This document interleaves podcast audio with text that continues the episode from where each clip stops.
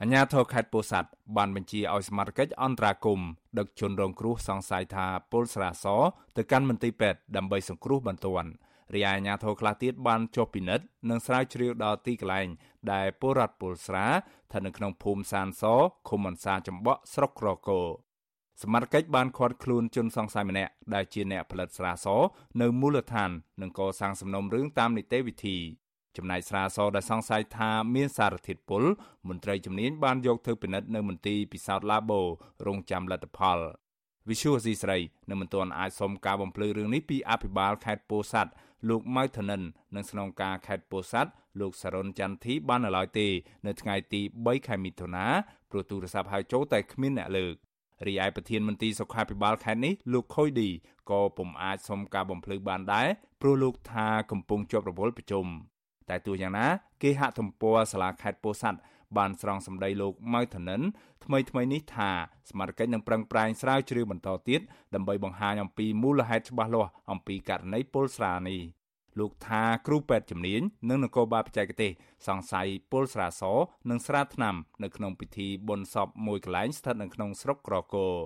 ជុំវិញរឿងនេះមន្ត្រីសម្របសម្រួលសមាគមការពារសិទ្ធិមនុស្សអាត6ប្រចាំខេត្តពោធិ៍សាត់លោកសំច័ន្ទគីសង្កេតឃើញថាប្រព័ន្ធសវត្ថិភាពគ្រប់គ្រងគ្រឿងស្វឹងរបស់រដ្ឋាភិបាល នៅទុនខ្សោយនៅឡើយដែលជាមូលហេតុធ្វើឲ្យពលរដ្ឋរងគ្រោះដល់អាយុជីវិតជារឿយៗលោកជំរុញឲ្យរដ្ឋាភិបាល បង្កើនការយកចិត្តទុកដាក់ពិនិត្យគុណភាពគ្រឿងស្វឹងឬស្រាស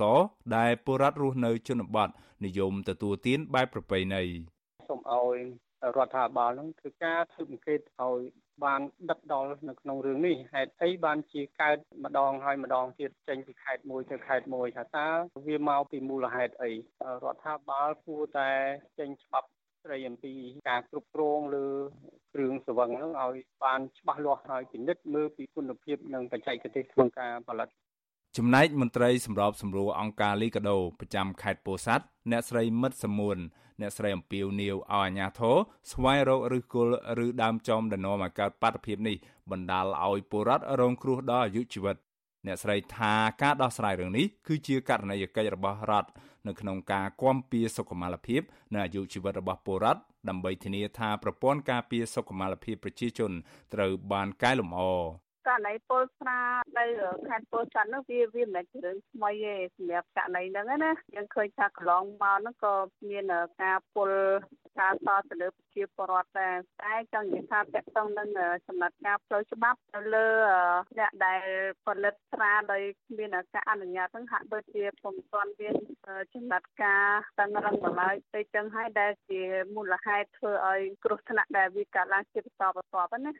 ស្រាសឬស្រាថ្នាំ ផលិតចេញពីអង្គរមានតម្លៃក្នុង1លីត្រចន្លោះពី2000រៀលដល់3000រៀលដែលអ្នកស្រុករស់នៅជនបទមានទម្លាប់ទទួលទានជាប្រពៃណីយូរមកហើយ។ ប្រធានមជ្ឈមណ្ឌលប្រជាពលរដ្ឋដើម្បីអភិវឌ្ឍនិងសន្តិភាពលោកយងកំឯងសង្កេតឃើញថាករណីនេះកើតឡើងដដែលដដែលគឺឃើញអាញាធរអនុវត្តបានតែមួយឆាវមួយឆាវហើយក្រោយមកអាជីវកម្មផលិតស្រាដំណើរការឡើងវិញគ្មានយន្តការត្រួតពិនិត្យបច្ចេកទេសត្រឹមត្រូវនោះទេហើយអាចបង្កគ្រោះថ្នាក់ខ្លាំងដល់អ្នកប្រើប្រាស់ លោកថាអាញាធរខេត្តគួរតែផ្អាកទីតាំងផលិតស្រាសជាបណ្ដោះអាសន្នដើម្បីស្វែងរកមូលហេតុឲ្យបានច្បាស់លាស់និងដោះស្រាយស្របតាមបទដ្ឋានបច្ចេកទេសត្រឹមត្រូវ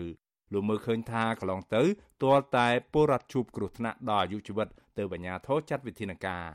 ករណីពលស្រាសកើតមានឡើងជាបន្តបន្ទាប់នៅក្នុងខេត្តចំនួន3ចាប់ពីខែឧសភាមកទល់នឹងពេលនេះ ឯនៅខេត្តកណ្ដាលក្រសួងសុខាភិបាលរកឃើញករណីប្រជាពលរដ្ឋពលស្រាសបណ្ដាលឲ្យស្លាប់12នាក់និង9នាក់ទៀតកំពុងសម្រាប់ព្យាបាលនៅមន្ទីរពេទ្យក្នុងករណីនោះតឡាការខេត្តកណ្ដាលបានសម្រេចឃុំខ្លួនអ្នកផលិតស្រា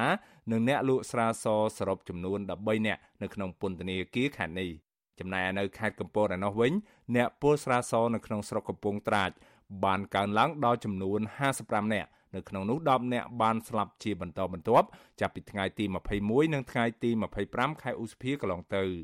រីឯអ្នកជំងឺជាង40នាក់ផ្សេងទៀតបច្ចុប្បន្នកំពុងសម្រាកព្យាបាលនៅមន្ទីរពេទ្យបង្អែកស្រុករីឯនៅខេត្តកញ្ចេះចាប់តាំងពីចុងឆ្នាំ2016រហូតមកដល់បច្ចុប្បន្នមានមនុស្សស្លាប់ជាង50នាក់និងជាង500នាក់ទៀតត្រូវបានបញ្ជូនទៅសង្គ្រោះបន្ទាន់នៅមន្ទីរពេទ្យដែលក្នុងនោះភាគច្រើនពលស្រាស កាលពីចុងឆ្នាំ2018ពលរដ្ឋរស់នៅស្រុកសម្បូរ7នាក់បានស្លាប់និងជិត100នាក់បញ្ជូនទៅសង្គ្រោះបន្ទាន់នៅមន្ទីរពេទ្យ